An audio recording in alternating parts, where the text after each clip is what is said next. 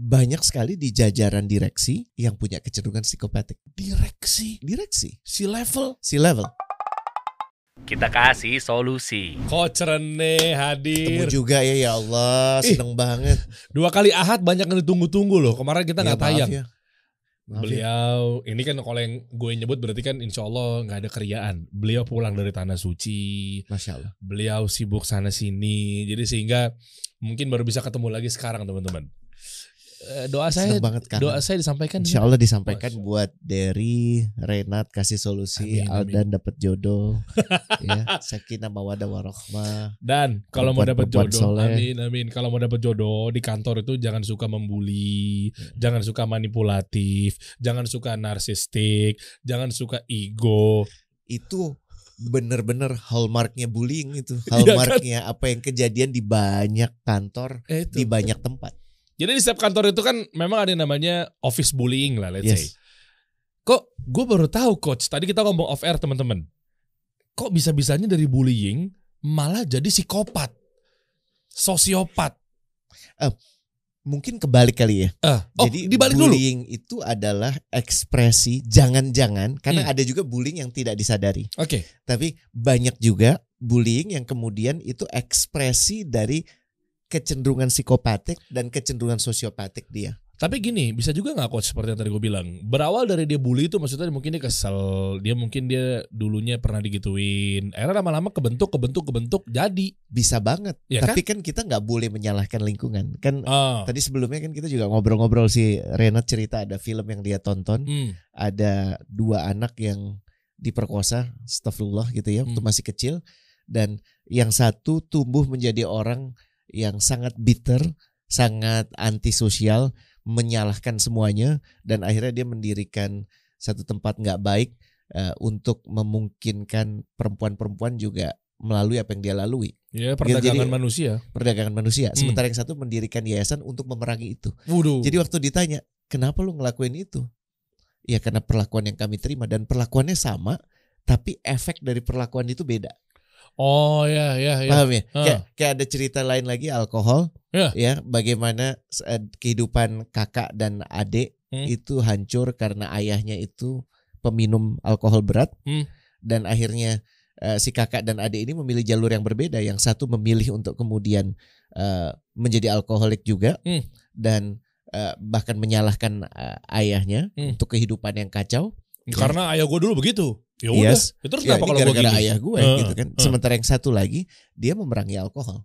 Oke, jadi ada dua kasus yang tadi eh, begitu ditarik dengan jawaban yang sama. Betul. Karena dulunya gue diperkosa. Mm. Karena bokap gue dulunya alkoholik. Mm-mm. Tapi ternyata memiliki dampak yang berbeda. Kan kan gini ya, gue Eh. gue gue memilih kita coba obrolkan ini dan kita pengen lempar ke kawan-kawan. Hmm. Banyak sekali dalam diskusi eh, ke belakang waktu gue udah mulai offline ketemu sama orang kan gue selalu menyempatkan untuk ngobrol Hmm. one on one supaya nggak didengar sama yang lain. Ya. Karena biasanya kalau lagi di depan bosnya ada pertanyaan sunyi gitu kan bener ya? Bener nggak? Iya. Tapi kalau udah one on one keluar semua tuh der. Oke. Dan banyak sekali perasaan yang gue tangkap itu they they become victim. Mereka ngerasa jadi korban, Oke. korban bullying, Hmm. direndahkan, nggak diakui. Itu dominan juga gitu. Hmm. Jadi terus gue ngeriset dan ternyata bener bahwa ternyata ternyata para para psikopat dan sosiopat eh, banyak yang kemudian bukan cuma memilih jalur kriminal tapi jalur korporasi Wah. dan karena mereka punya kan kan gini ya kita kita definisikan dulu ya coba kita bagi dua dulu deh coach. Maksudnya yang gue tahu kan cuma psikopat. Eh. Kalau Indonesianya gitu, ya kan? Atau psikopat. Mm-mm. Terus tiba-tiba kok muncul lagi sosiopath. Mm-mm. Ini dua-duanya eh, kakak beradik. 11 12 11 12 cuma bedanya di mana? ab- anak dari satu kecenderungan yang disebut narsisis narsisism narsisism tuh nah dari kata dari orang ini kisah lama sih ya sebenarnya ya Hah? orang yang jatuh cinta sama dirinya sendiri jadi dia ingin ingin ya kasarnya menikahi dirinya sendiri karena gue seneng banget sama gue gitu ya jadi kalau ngeliat ke kaca tuh gila untung banget ya dunia ini ada gue gitu yang kayak gitu modelnya tapi ujungnya itu kemudian ada dua yang pertama itu Eh, Psikopat, psikopat itu karena fokus sentralnya itu hanya dia. Hah? Eh, dia minim perhatian kepada yang lain dan minim perhatian sama yang lain itu dimanifestasikan dalam empatinya nggak ada nggak ada sesal Hmm. jadi kalau habis maki-maki Hmm. eh, nggak ada rasa bersalah Wah tuh ngeri tuh. Iya kan ngeri. habis habis eh, habis nge nge apa nge, Ngejek. mejek orang Oh. ya mukul orang Hmm. ya emang emang dia harus dipukul Biar dia tahu ah, Biar dia tahu. Oh. dan kenapa gue bisa melakukan ini karena gue lebih baik dari dia paham ya Oh, itu, itu itu sentralnya Oke. dan efeknya adalah mereka nggak keberatan untuk bohong Hmm. mereka manipulatif ya mereka itu narsisistik udah pasti egois karena yang dikedepankan adalah kepentingan dia sendiri Oke. N- namun kalau psikopat itu punya kemampuan yang yang unik yaitu kalau dia lihat orang-orang ini lebih powerful dari dia Hah? atau bisa menguntungkan dia dia bisa memodifikasi perilakunya untuk jadi seolah-olah baik sama orang itu Oh manipulatif. karena kepentingannya itu bukan untuk bantu Iya. kepentingannya untuk diri dia Iyalah. sehingga kecenderungannya si pak psikopat ini atau bu psikopat ini menikmati kericuhan. Lo gini, lo pernah nggak ada orang yang lo perhatikan Mhm. atau jangan-jangan kita sendiri gitu ya, kita menikmati saat terjadinya kericuhan. Jadi orang ribut tuh senang. Wah itu itu. Dia hidupnya itu di kekacauan, dia hidupnya di chaos. Dan karena dia yang paling tenang di situ, Aha. akhirnya yang paling dipercaya dia sehingga dia Oh. naik lagi naik lagi naik lagi padahal yang menyebar memunculkan Iya, iya, kehebohan itu dia Oh. Oke. tapi dia kayak seolah-olah cuci tangan Iya iya iya. dan semuanya ngaco gue yang paling ajak orang yang di atas kan ngelihat nih orang baik-baik aja betul Oke. ya Ini ini ini ini juga sering terjadi di cerita-cerita di negeri Konoha misalnya. Mm-mm. Misal gitu kan. Itu ternyata ternyata dari dalang mungkin kericuhannya, kerusuhannya mungkin dia nih. Iya, Tapi, nggak- sementara nggak muncul nggak muncul. Nanti tiba-tiba dia naik, naik, naik terus gitu terus gitu. Iya. Oh, oke. Da- dan ya atas kuasa Allah ya orang-orang ini dimunculkan sebagai ujian buat kita Hmm. dan semoga kita tidak menjadi bagian dari orang-orang ini. Indikasi penting yang harus dipahami oleh kawan-kawan, apakah Anda menikmati sebelum menakar orang lain ya, Ya, ya. apakah Anda menikmati situasi chaos? Jika iya, ada benih-benih psikopatik di situ. Waduh. Dan dalam obrolan kita, Der, Hmm. ternyata dari riset itu dimunculkan bahwa banyak sekali di jajaran direksi, terutama yang punya kecenderungan psikopatik. Direksi Direksi, si level. si level. Kenapa? Karena ini lebih tidak berisiko dibandingkan mereka memilih karir di korporasi, tidak terlalu berisiko dibandingkan mereka harus berhadapan dengan law enforcement, Ah, berhadapan dengan ya. polisi. Ka- ka- karir kriminal itu lebih berisiko. Akhirnya mereka ngelihat ya udah di sini aja, Ah, karena lebih mild. Ah, paham ya? Oke. oke. Si- Itu psikopat ya. Jadi lo paham Iya, iya. bedanya ya. Oke, Sementara oke. yang satu lagi itu sociopath. Nah, Sociopath itu lebih lebih visible oh, karena contoh. mereka lebih keras Iya, iya, iya. kadang-kadang unjuk kekerasan eh, apa eh, konfrontatif ya antisosial dan kecenderungannya mereka impulsif dan ceroboh ini lebih mudah dikenali yang yang model seperti ini lebih mudah dikenali ya Ya. mereka punya kedekatan tapi hanya pada segelintir orang Oke. Ya, kan, Oke. kan gini, gue nanya lo semua ya, Hmm. jujur aja, Hmm. untuk cari tahu siapa yang brengsek di kantor kan nggak susah ya. maaf ya, maaf Iya, ya, gue iya, iya, menggunakan kata ini ya. Iya. Kalau gue nanya lo, bro, Eh. gue baru datang ke kantor itu, Hmm. gue nanya ada misalnya 50 orang, boleh nggak lo tunjukin gue orang yang paling brengsek? Gue yakin arahnya tuh satu dua orang, betul nggak sih? Iya, iya, iya. Nah itu, jadi nggak sulit-sulit Oh, amat. karena nampak. Hah? Dan Karena ada nampak. dan ada sifat narsis juga tetap. dua-duanya ini anaknya si narsis. Kenapa? Oh. Karena merasa gue lebih dari yang lain. Kalau bahasa kita ulu, ya Oh, oh, oh. kan kan eh, Allah menegaskan bahwa rumahmu yang di akhirat nanti Hah? akan diwaris akan kau wariskan akan diwariskan kepadamu Hah? dengan catatan kau tidak ada ulu di hatimu. Ulu Hmm. apa? Ulu itu kebutuhan untuk menakar diri dengan orang lain. Hmm. Bener nggak? Oke, Kit- oke. Padahal gini, yang naik pangkat itu orang lain, tapi yang demam kita.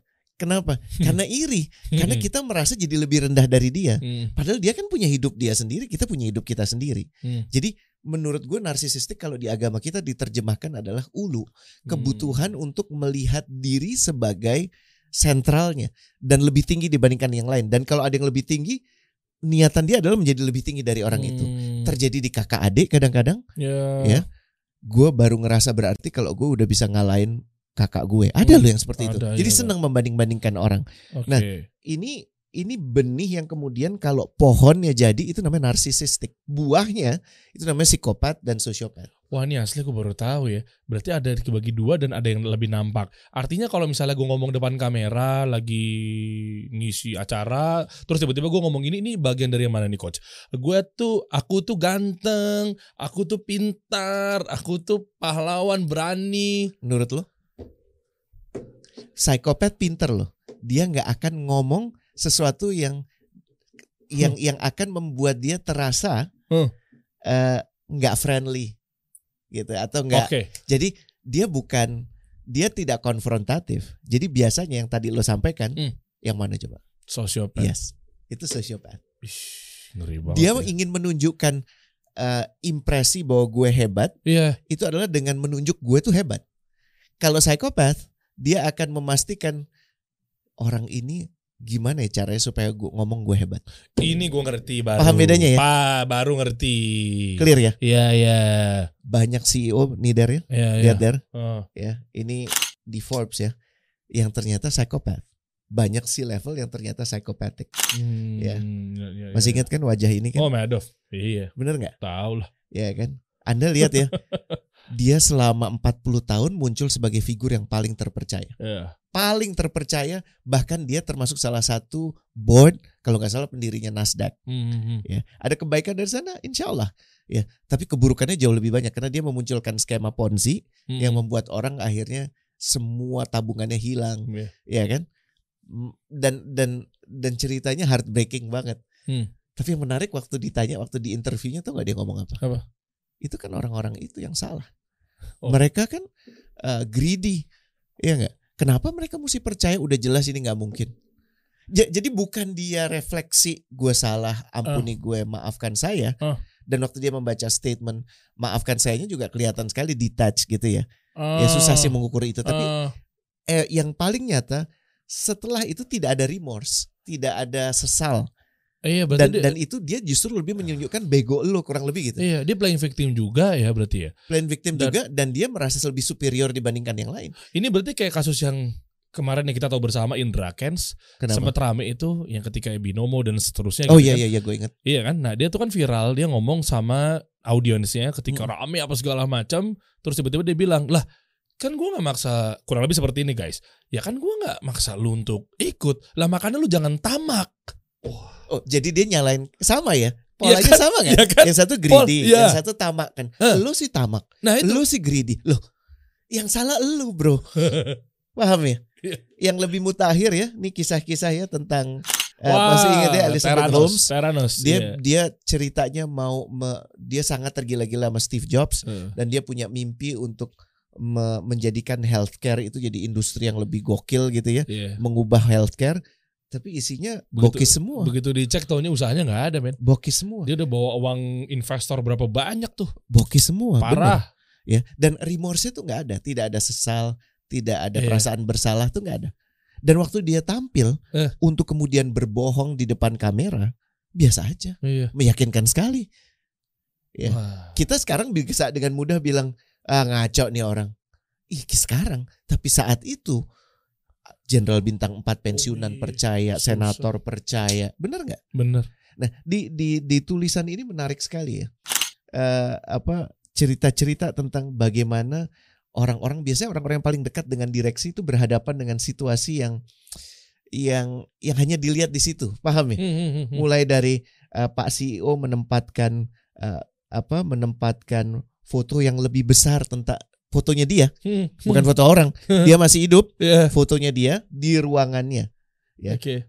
yang yang yang yang intinya yang in, yang yang dia lakukan kemudian lebih gokil lagi foto itu dia cium gitu ya, Ya. dia juga memecat resepsionis eh, yang sudah jadi sudah jadi sudah bekerja di perusahaan itu selama 20 tahun karena mencari orang yang lebih cantik supaya Eh. sesuai dengan image perusahaan itu Iya. Paham ya ini ini contoh-contoh sebagian terkesan anekdotal bercandaan tapi, ini ternyata terjadi terjadi, Gue minta iya. deh lo cerita ya, apalagi yang punya pengalaman berinteraksi dengan orang-orang hebat. Ini sama Hmm. sekali oh bukan orang-orang hebat, orang-orang yang ada di posisi tinggi ya itu. hebat tanda kutip lah. Ada yang sedemikian mengagetkan, ya. Ada yang gue pernah dengar satu kisah eh, orangnya kayaknya baik banget, tapi semuanya di reimburse ke perusahaan. Sampai Hah? untuk hal yang paling remeh temeh pun di reimburse ke perusahaan, nggak mau rugi. Apaan karcis parkir gitu-gitu? Bukan cuman itu, dia kasarnya ya beli celana dalam buat anaknya juga dia reimburse di kantor. Paham ya? Nah ini Dia- eh, bedanya gimana nih coach antara dia psikopat atau sosiopat ini sama mungkin dia ngirit atau kan tip 11 12 nih emang dia eh, orangnya pelit. Gimana nih? Ada hal-hal yang Belum tentu kan orang pelit tiba-tiba langsung ah jangan-jangan lu misalnya gitu. Kayak gini, pelit kasus yang tadi ya, kasus yang tadi ya. So- sorry, gue gua gua luruskan sedikit ya. Eh, Dari orang pelit itu dia tidak mau mengeluarkan yang mestinya dia bisa keluarkan untuk dia. Tapi kalau di sini bukan pelit, der, tapi dia mengambil manfaat. oh ke situ arahnya. Bener gak? Dia adalah contoh untuk organisasi itu. Hmm. Makanya dia dipercaya untuk jadi Oh C iya. level Iya. untuk jadi leader. Masih ingat kan obrolan kita soal itu kan? Iya. Tapi dia tidak menggunakan itu dengan baik. Dia berasumsi tidak ada yang tahu. Pada saat saya bikin, eh, saya meminta agar eh, saya belanja untuk anak saya itu ditebus sama kantor. Hmm. Saya jalan-jalan sama keluarga saya Hmm, hmm, atau bahkan sama eh, pacar saya hmm, hmm, itu jadi biaya kantor. Padahal itu nggak ada hubungannya hmm, hmm. dengan keperluan kantor. Betul kan? Iya betul juga ya. Iya Berarti kan? kalau ditarik secara detail bisa juga ya ternyata memang Mulainya dia- dari sana. satu itu dan Abuse of power. Eh, eh, dan yang kedua dia merasa bahwa ya eh, tadi narsis tadi maksudnya dalam artian eh, ya lu juga ngakuin kan kalau gue juga layak dapat reward ini, Yes. layak diapresiasi. Yes. Oh, ke situ. Jadi orang yang pokoknya gini, kalau yang meledak-ledak, Hmm. impulsif, Hmm. Terus tiba-tiba baik, minta maaf, Hmm. terus terus maki-maki lagi itu sosiopath, Hmm, meledak-ledak, Iya, impulsif. Tapi kalau yang satu lagi manipulatif, senyap, tapi ternyata di belakang main sendiri, hmm, hmm. itu psikopat. Oh, oke. Paham ya? Kalau dia ter- ter- terlihat marah-marah di pegawai eh, di di di kantor tengah-tengah eh, sekitar biar orang kelihatan bahwa wah gila ini ini, ini ditakuti nih CEO. Bisa dua-duanya, cuman caranya beda. Kalau sosiopat tuh akan maki-maki lo di depan yang lain. Hmm. Tapi kalau psikopat, dia akan merendahkan lo. Kan senyuman der, Hmm. senyuman ngenyek gitu ya kalau bahasa Iya, Jawanya. iya. Hah, Derry. Paham ya? Tapi Iya. di depan Aldan, di depan yang lain. Ah, Gue nggak maki-maki Derry, Iya. tapi rasa di lo gimana? Oh pedes. Direndahin kan? Iyalah. Kayak lo masuk gitu ya. Ya. eh, Baginda Derry sudah datang. Silahkan duduk tuan. Waduh. Itu yang dia omongin sopan kan? Sopan sih. Tapi dia menghantam lo di depan yang lain. Hmm. Bedanya sama sosiopat, sosiopat akan menghajar lo. Kenapa lo telat? Emang otak lo di mana sih? Oh, iya, Kenapa iya. nggak bikin plan lebih baik? Mestinya kan lo lebih awal. Paham ya? Ah, ya, ya. Nggak, tapi pada saat orang melakukan itu pun lu juga nggak boleh berasumsi otomatis dia seperti itu. Tapi kalau berulang dan kelihatannya dia menikmati Hmm. saat dia merendahkan orang hati-hati. Wah, itu poinnya. Karakter Iya. si bully itu menikmati menyakiti orang lain atau saat orang lain tersakiti. Dia itu buk. Ada orang yang memang pemarah. Hmm. Pemarah itu nggak suka ada hal yang nggak tepat. Hmm. Tapi dia marah atas atas keadaan itu selesai. Hmm. Tapi kalau psikopat dia harus bikin lo ngerasa nggak berguna, lo nggak ada harganya. Waduh. Paham ya? Jadi dia kesusahan orang, Hmm. kesenangan dia. Ya, Paham, paham ya Dere? ini di kantor-kantor banyak nih Banyak begini-begini nih. banget. Dan uh, atau saat dia ber, sebaliknya Hmm. jangan berpikir cuman yang oppressing. Saat dia memposisikan diri dia sebagai korban, itu juga psikopat. Oke, pinter banget yang gitu. Um, misalnya ya, Eh, uh, bukan Aldan deh siapa ya, Joko gitu ya. ah, Sebut saja nama Joko misalnya. Joko sama Aldan, Oh, dua karyawannya kasih solusi. iya iya oke. Jangan berpikir macam-macam. Eh, eh, Ya. Soalnya namanya mirip mirip sama teman saya. Oke deh, uh, John, ya kan John aja. Joko sama Andi. Joko sama Andi deh ya. Hmm. Jadi terus si Jokonya ini bilang, ya saya tahu Andi sedang sibuk pak, Hmm. sehingga saya harus mengerjakan semua pekerjaan dia. Gitu paham ya? Ya, Kan dia memposisikan Bisa diri sebagai banget. korban nih. sa aja. Benar kan? Tahu-tahu gue. Itu sama psikopatnya. Ben- Hmm. Karena kan belum tentu orang itu ada di atas, Der. Iya. Sa- Benih itu udah dari bawah. Nih, Hmm. menikmati ketidakjelasan dan kebingungan, menikmati suasana tidak harmonis hingga permusuhan, dan lazimnya sangat baik, sangat pandai berpolitik dan bernetworking. Tuh ngeri ini orang-orang kayak gini nih. Ini bahayanya apa? Perundungan di tempat kerja itu terjadi dan berulang. Jadi kalau kejadian sekali, terus lama nggak kejadian dia marah lagi itu bukan ya. Jadi lu jangan baper juga, Hmm. langsung lu menduga atasan lo ini. Kenapa ini diom- diomongkan? Untuk sama-sama mengakui bahwa kita yang punya tanggung jawab untuk membangun kultur yang sehat. Iya. Dan contoh kultur yang buruk itu adalah perundungan, kultur bullying. Kenapa? Karena kultur bullying itu membuat Pak Siko dan Pak Sosio Hmm. itu betah. Paham ya? Terus Mereka cara- suka keharmonisan. Cara cara berantas begini-begini masuknya dari mana ya coach? Sementara dia berada di kedudukan direksi. Nggak mungkin level-level bawah tuh tiba-tiba langsung oke dia tahu nih ilmunya. Let's say dia nonton ke seperti ini nih. Oke, oh ya, oke gue tahu nih. Ini kayak gua, bos gue banget nih. Oh ini kayak manajer gue banget nih. Tapi kan nggak mungkin dia bisa punya suara di situ. Jangan pernah berpikir kemenangan itu hanya pada saat dia diganti. Itu yang lo mau. Oh. Tapi kemenangan itu bukan selalu itu. Oke. Bahwa orang yang lo duga sebagai psikopat, ini kan masih dugaan nih. Iya. Dan memang jika ternyata benar, dia diganti itu kan kemenangan. Hmm. Iya, tapi bukan cuma itu kemenangan. Kemenangan adalah dengan lo menyimak ini, lo memahami dan menerima bahwa ada kecenderungan itu di kantor lo, Hmm. dan lo tidak menerima itu, menyelisihi itu. Hmm, hmm. Paham ya? Oke, Itu udah bentuk kemenangan. Oke. Ya. dan lo tidak menurunkan ke bawah lo. Misalnya lo ada di manajer, Oh. lo bos lo punya kecenderungan psikopat, Hmm. lo tidak melihat itu sebagai kewajaran Hmm. untuk kemudian lo turunkan ke orang di bawah lo. Itu udah kemenangan. Hmm, Oke, jadi jangan diulang ya, jangan berulang gara-gara Jangan. dendam misalnya. Ingat ya, terjadi dan berulang kayak kultur bullying yang yang, Sekolah. yang biasa sekolah kan, kampus kan, Iya, ya kan biasa kita masuk di mapras kalau zaman dulu kan, di ospek. mapram, ospek, Heeh, isinya kan bodoh-bodoh banyak yang lucu, iya. tapi banyak juga orang-orang di situ yang menikmati menyiksa orang, Iya. merendahkan orang. tahu. Nah, itu kan berulang ketika gua nanti jadi kelas 3 SMA, Iya. ketika mungkin gua nanti jadi semester kesekian di atasnya, ya Pada gua saat- lakuin lagi lah. pada saat lo punya kesempatan untuk melakukan itu dan lo memilih untuk enggak, Oh. itu kemenangan. Oh, oh, oke. Paham ya? Meskipun yang lainnya melakukannya, meskipun itu masih berjalan dengan eh, apa adanya, Tapi ada satu kemenangan. nggak ada hentinya gitu loh. Ada ada satu kemenangan dari tadinya 11 orang dengan lo melakukan itu jadi cuma 10 yang lakuin Oh itu. iya, berkurang. Enggak 11. Hmm. Dan lo akan dilihat sebagai orang yang waras. Nanti lama-lama yang waras itu juga sebagaimana ketidakwarasan, kewarasan itu menular.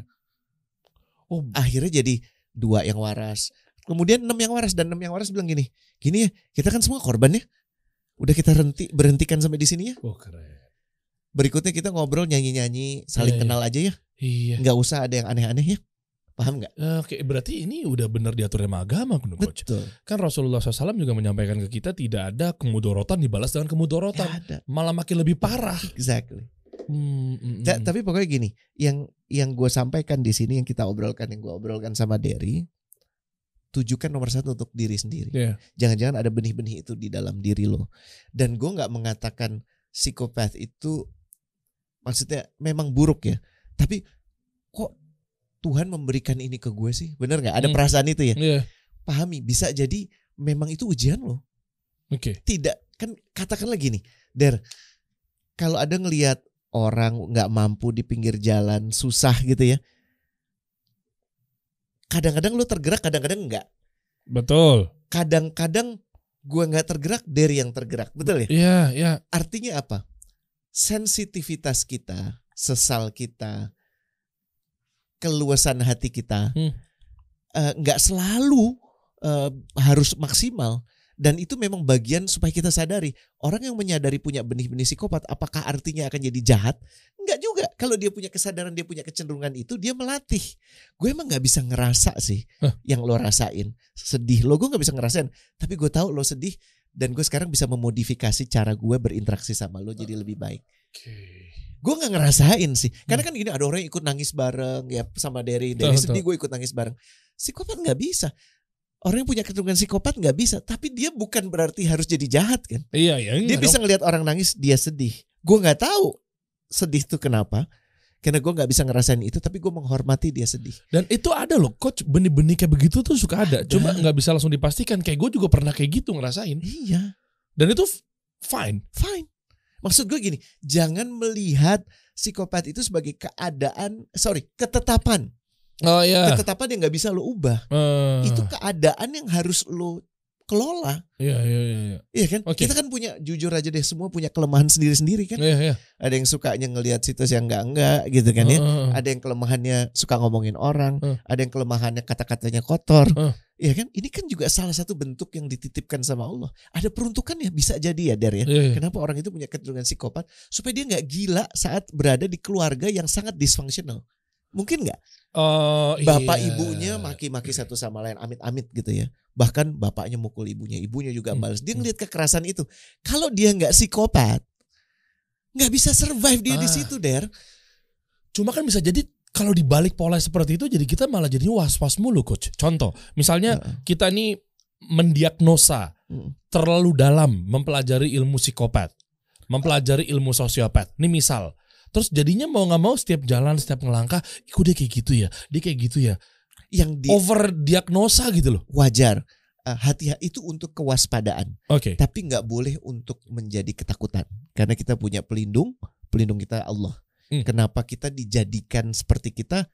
Allah. Hmm. Kenapa kita dititipkan orang-orang sebagian kayak psikopat gitu, sebagian yang baik kan nggak ada. Sekeliling lo isinya semua psikopat gitu kan nggak ada. Oh iya enggak. Sebagaimana nggak mungkin juga sekeliling lo baik semua kan nggak ada. Iya. Ini memang perjalanan hidup lo. Hmm.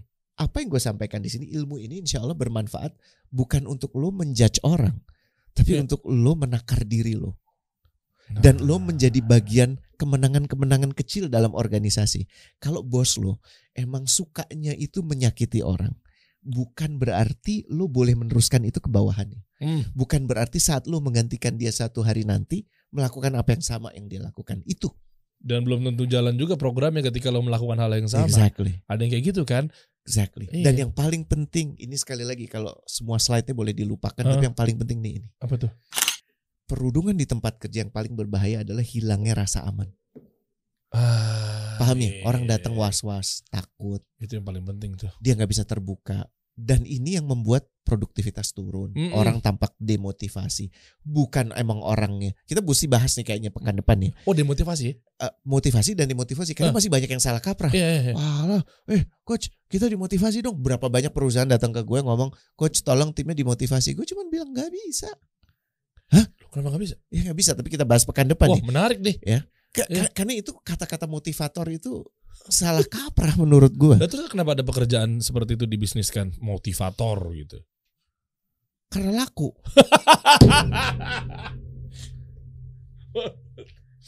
Bener nggak? Ka- Kan orang malas mikir ya, maaf ya. Iya kan? Dia bikin acara apa ya? Pokoknya lu motivasi dia tim gue. Nggak bisa. Motivasi itu tanggung jawab lu lu tuh siapa? CEO-nya? yang punya diri. Oh, Tugas CEO adalah iya, nih iya. kita gua kasih bocoran buat Hmm, obrolan hmm, pekan hmm. depan ya. Iya. Tugas CEO adalah memastikan suasana orang agar bisa termotivasi. Nah, Nanti ya. ini loh nih penting nih ternyata nih. Ya. Oh jadi gua- balik lagi ke orangnya masing-masing. Dan itu ada teknik-tekniknya. Jadi Nah itu maksud gue. Kita- Mungkin didatangkan motivator buat membenahin. Bisa nggak tuh orang-orang masing-masing mungkin? iya, tapi penyebutan motivator aja udah salah kaprah Derry. Jadi seolah-olah untuk segala ketidak termotivasiannya Derry itu salahnya Rene karena tidak memotivasi Derry. Oh, Terus tanggung jawab lo iya. apa? Motivator itu mengambil tanggung jawab untuk memotivasi orang lain. Gak bisa, gak bisa, gak bisa, gak bisa. Keluar ya. Jadi kita akan bahas Tajam sekali, Kalau- tajam. Kalau lo punya pengalaman soal ini juga boleh tulis di kolom chat kan udah udah dua pekan lo libur ya. Iya, Jadi, iya, iya. Tapi ingat ya, hilangnya rasa aman di tempat kerja itu adalah akibat paling berbahaya dari perundungan atau bullying yang dipicu oleh psikopat dan sosiopat behavior. Waduh. Paham ya? Nah, Iya, iya, ini iya, iya. ini di Amerika, Der. Apa tuh? Ya. 76,3 juta orang atau kurang lebih 46,6 persen dari total angkatan kerja di Amerika Serikat terdampak oleh perundungan. Serius? Jadi lo kebayang gak dari sekitar 130 juta orang lebih 150 juta orang separohnya hampir kena Ah, itu. Parah.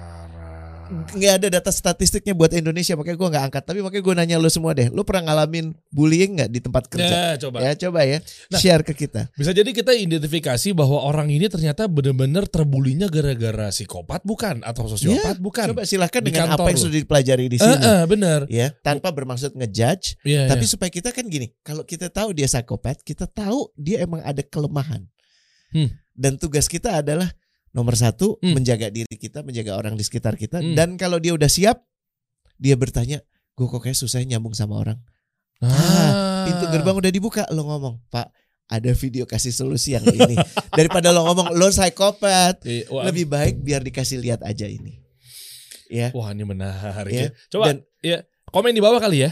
boleh Iya, iya. apa gimana coach? gue cuma mau penurunan kinerjanya itu 67 persen lo kebayang nggak kasarnya kalau kita ngomong yang paling bisa dipahami kan sales ya. Hmm. sales lo misalnya 100 juta. Eh. yang bisa lo capai itu cuma 33 juta. Yang 67 juta kagak kejadian. Kenapa? Produktivitasnya turun. Kinerja orang-orang lo turun. Nah ini nih cikal Paham bakal ya? kan cikal bakal dari tadi tuh paham yang kita ya? bahas tuh. pelaku perundungan ini yang paling menarik. Ternyata wah mayoritas bukan bos. Hah? bukan kerja. Gue ulangi. Lah. Ah menarik ya. Menarik Hah? ya. Tadi kita Coworker. iya tapi yang dampak paling besar adalah C level kalau C level itu psikopat dia bullying dampak untuk organisasi besar. Tapi yang peristiwa yang tadi yang di Amerika Serikat itu Eh, yang dialami orang eh, hingga hampir 50% eh, eh. itu dia kena perundungan. Pelaku utamanya adalah coworker. Makanya hati-hati kepada satu sama lain. Bagaimana lo mengucap sesuatu kadang-kadang mulut tuh bisa ucapan Pengaruh. bisa tajam banget. Ide- Eh. bagus. Kayak yang tahun lalu ya. Wah, paham gak sih? Perasaan gak ganti-ganti. iya paham gak sih dar? Dar gini lo senyum aja itu bisa nyakitin. Oh parah, parah. Senyum. apalagi memang lu niatkan untuk nyakitin orang Lu bayangin ketika ada satu organisasi di kantor, terus teman lu datang mungkin telat, masuk biasa jam 9. Ini sering terjadi loh. Terus tiba-tiba jam 10 lu baru datang. Nah. Teman sebelah lu bilang, "Wih, selamat pagi." Padahal emang niatnya mau nyapain selamat pagi. Mm-mm. Tapi mungkin orang yang ngerasa, "Oh, nyindir gue mentang-mentang udah Iya. siang gue datengnya." Ya emang ada efek orangnya baper juga gitu. Tapi di sisi lain gini, hati-hati dalam lo bercakap bersikap karena Iya, bisa iya. jadi lo meninggalkan rasa sakit. Iya, iya, iya, iya, iya. 33% atasannya, Heeh. 8% itu manajer lain dan orang ke perusahaan lain. Jadi lo ngebayang ya kalau ngelihat Hmm. dari data-data ini ya, yang paling sering dilakukan, yang paling sering direndahkan itu adalah perempuan, Oh, perempuan 66%. Hmm, oke. Laki-laki 55 persennya merasa itu. Hmm. Ya, Eh, menjadi korban rumor karena rumor itu juga perundungan ya. Mhm. Ya gue mau mulai rumor tentang Derry gitu. Lo tau nggak? Aduh, Derry tahu kan kasih solusi. aduh. Lu jamnya lihat nggak jamnya Derry itu? gue belum ngomong apa-apa. Tapi orang itu kan najwa ya. Apa, apa obrolan yang yang rahasia ya. Apa pun yang dilakukan dengan nada seperti itu nggak akan Wah, baik. Ternyata intonatif juga ngaruh ya. parah. Intonasi itu pengaruh banget. Intonatif banget kayak begitu tuh. Siapa? Oh Derry. Nah kan. Paham kan? Ya kan? Gimana? Rene. Paham ya? Iya, iya. Lo belum ngomong. Lo belum ngomong. Terus habis itu keputus kan? Iya. Terus kan yang denger nggak otomatis tahu ada informasi apa. Dia akan bilang, aduh katro banget sih dari sama Rene itu. Padahal belum tentu. tuh. Orang itu baru pakai intonasinya. Iya. Paham ya? Sebenarnya ini kalau kita bikin workshop sendiri juga menarik sih. Ih, Bang. Mengenai public speaking misal. Turunannya ya meskipun nggak Go usul there. Iya gak sih? Jangan public speaking. Apa tuh? Speaking authentic. Ah, Bicara otentik. Iya itu tuh ada ilmunya tuh. Untuk compassion. Karena kalau public speaking ntar kita semua ngomongnya Iya malah jadi kayak malah jadi jadi kayak. "Em, selamat malam nggak Iya, gitu iya, kita iya, lo iya. nggak butuh lo butuh ngomong lo bisa dipahami bisa dirasakan speaking skills juga gak sih kayak gitu? authenticity Oh, oke. Ka- karena kan gini bagaimana lo dirasakan bukan pada pilihan frasa intonasi saja Hmm, hmm. tapi nomor satu Allah udah kasih tahu niatnya dulu Oke. Coach gue baru enggak ya ketika kayak gini-gini gue pernah nge-interview orang. Eh, dia cabut gara-gara apa? Gue gak tahu kayaknya mungkin gue udah nggak disenengin apa segala macam.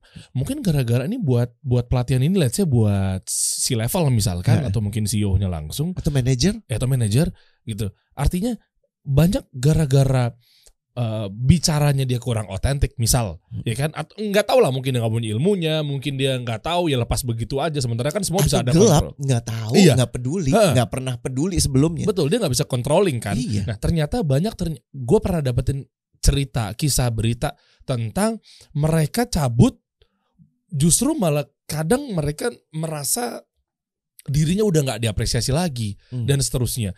Ini pernah ada kasus ketika gue coba tanya ke bosnya yang ternyata mungkin kan circle kita mungkin nih ya kenal satu sama lain ya. Oh lu Hmm. dari ini ya, lo dari situ ya, oh di sini ya. Pas gue tanya, perasaan gue baik-baik aja sama dia. Tuh, sementara dia udah ngajuin resign. Mungkin tahu ya coach ya, kasus-kasus kayak gini ya yang serupa ya. Bener. Dia ngajuin resign gara-gara si pegawainya udah ambil kesimpulan karena dia menahun misalnya eh, perlakuannya selalu dapat yang seperti A B C D. Ah itu itu gimana ya? Dan momen itu nggak pernah di-clarify. Itu Karena karena gini, kita tuh kadang-kadang senang memberi feedback sama bawahan. Tapi Iya. untuk menerima feedback dari bawahan, hmm, gua kan atasan. tak dulu nih. Paham ya? Iya. Nah, inilah memang obrolan soal kultur, obrolan soal authenticity. Hmm. Itu penting banget, Der. Iya. Karena untuk ngejaga kan manusia gini deh. Dua bisnis modalnya sama, bisnisnya sama, challenge-nya sama, peralatan yang dibeli sama, semuanya sama. Iya. Bener ya? Iya. Tapi yang satu moncar, yang satu hancur. Manusia. Dan kalau diteliti lebih dalam lagi bagaimana manusia itu berinteraksi satu sama lain. Iya, Budaya. Iya. Dan kalau diteliti kenapa orang-orang itu seperti itu? Karena kesadarannya. Kesadarannya itu akan kesadaran compassion kepada yang lain Hmm. untuk mendapatkan ridha Allah atau yang satu lagi supaya gue dapat semuanya ego. Hmm, Paham ya? Iya. Jadi satu faktor yang paling tidak bisa dikendalikan adalah manusia. Iya, iya, iya, iya, iya, iya. Boleh lah. Ini kita tahan dulu teman-teman. Teman-teman silakan komen di bawah. Coba deh, apa yang dirasakan di kantor, misalnya Hmm. bulian dari atasan dan seterusnya. Terus gimana cara menakarnya kira-kira ketika udah ketahuan ini misalnya psikopat atau mungkin sosiopat, Sosiopat. ya dan seterusnya. Terus gimana? Lu harus ngapain? Iya. Dan cara menyampaikan komunikasi yang baiknya, pengaturan kata-katanya dan seterusnya. Mungkin itu agak Dan bisa jadi Eh, orang itu tidak tahu kalau dia sedang menebar benih keburukan. nah itu. bisa jadi jika benar dia psikopat atau sosiopat, mereka nggak tahu kalau mereka itu psikopat dan sosiopat. Terus gimana cara mereka komen ya kalau memang ternyata posisinya dibalik? Kalau tadi kan misalnya cerita tentang dia perlakuannya dibully, Heeh. diperlakukan maksudnya dibully. Heeh. Tapi kalau memang ternyata gue pengen tahu ini orang bibit-bibit mm, mengalami psikopat nggak nih? Atau mungkin eh, psikopat atau sosiopat kan mungkin kan dia cara ngomongnya gimana? Iya, gue Kok- belakangan ini ngebully orang, masa begitu coach? Congratulations. Kalau lu sudah punya dugaan bahwa lu psikopat Eh. dan sosiopat, Eh. itu jauh lebih aman daripada lu ngerasa lu baik-baik aja. Oh, oh. Kenapa? Karena itu lu udah membuka pintu gerbang perbaikan. Oh. Ini kan bukan hal baik yang gue omongkan ya. Iya. Tapi kan kita nggak bisa milih kadang-kadang kepada siapa kita beribu dan berbapak dalam keluarga seperti apa, Hmm. proses hidup bagaimana. Kan ada pilihan kita, ada pilihan orang. Hmm. Tapi sekarang masih ingat cerita yang tadi alkohol dan perkosaan itu, Hmm. ada yang kemudian satu anak jadi lebih baik, satu jadi sangat buruk. Hmm. Pilihannya ada di lu. Dengan lu memahami bahwa lu punya kecenderungan perilaku seperti itu, artinya lu harus kerja keras. Hmm. Dan bagaimana? Banyak yang bisa dilakukan. Kalau tertarik ya kita lanjutkan obrolan ini Hmm, gitu ya. iya, iya, Tapi iya. secara umum dari kalau gue boleh supaya tuntas paling nggak untuk yang ini. ya. Uh-huh. Pertama, lu boleh aja jadi korban bullying. Hmm. Boleh, karena itu bukan salah lo. Iya. jadi korban bullying itu bukan salah lo. Tapi jangan terus-menerus merasa jadi korban. Oke. Paham ya? Oke. Lu kejadiannya udah dua kali, tapi lu masih ngebawa kejadiannya masih lu bawa sampai sekarang. Kapan nih kejadiannya? Waktu saya mulai kerja coach tahun 2004. Eh. Paham nggak? Hmm. Jadi lu sekarang ke ke orang isinya yang tadi lu bilang ketakutan. Kenapa ntar gue dibully? Lu punya ekspektasi untuk dibully jadinya. Kan nggak Ya, sehat. betul. Karena lu dibully sama atasan lu, lu beranggapan semua atasan sama. terus itu gitu sama aja kan. Gue di maaf ya Der ya. Eh. Gue di misalnya gue dicopet sama orang Batak ketahuan gitu ya atau dirampok sama orang Batak. Semua orang Batak si Regar satu ini itu jahat. Enggak, sebentar mohon maaf. Kenapa ilustrasinya kalau copet tuh selalu Batak ya? Meskipun meskipun iya memang untuk oknum-oknumnya paling banyak di data begitu. Saya nggak saya, saya kurang terima nih mohon maaf nih. Kenapa copet Batak gitu? Saya minta maaf bukan sama Derry saja tapi kepada semua warga Batak Horas. Ya. Enggak, enggak, enggak. Tapi paham ya maksudnya ya. Iya, enggak, soalnya Boris Bokir pun stand up komedian ketika dia bawain materi komedi, dia Selalu- juga selalu begitu. Ya, orang Batak udah tahu lah. Ini juga masih kan bagian dari keresahan ya. Ka- Kalau orang Jawa kan klisenya zaman dulu ada. Apa tuh? Transmigran. Bener kan? Gitu bener kan? Kita tunggu di Bener komen kan? nih kalau gitu ya Eh, tadi ya. ya. Kita kasih solusi.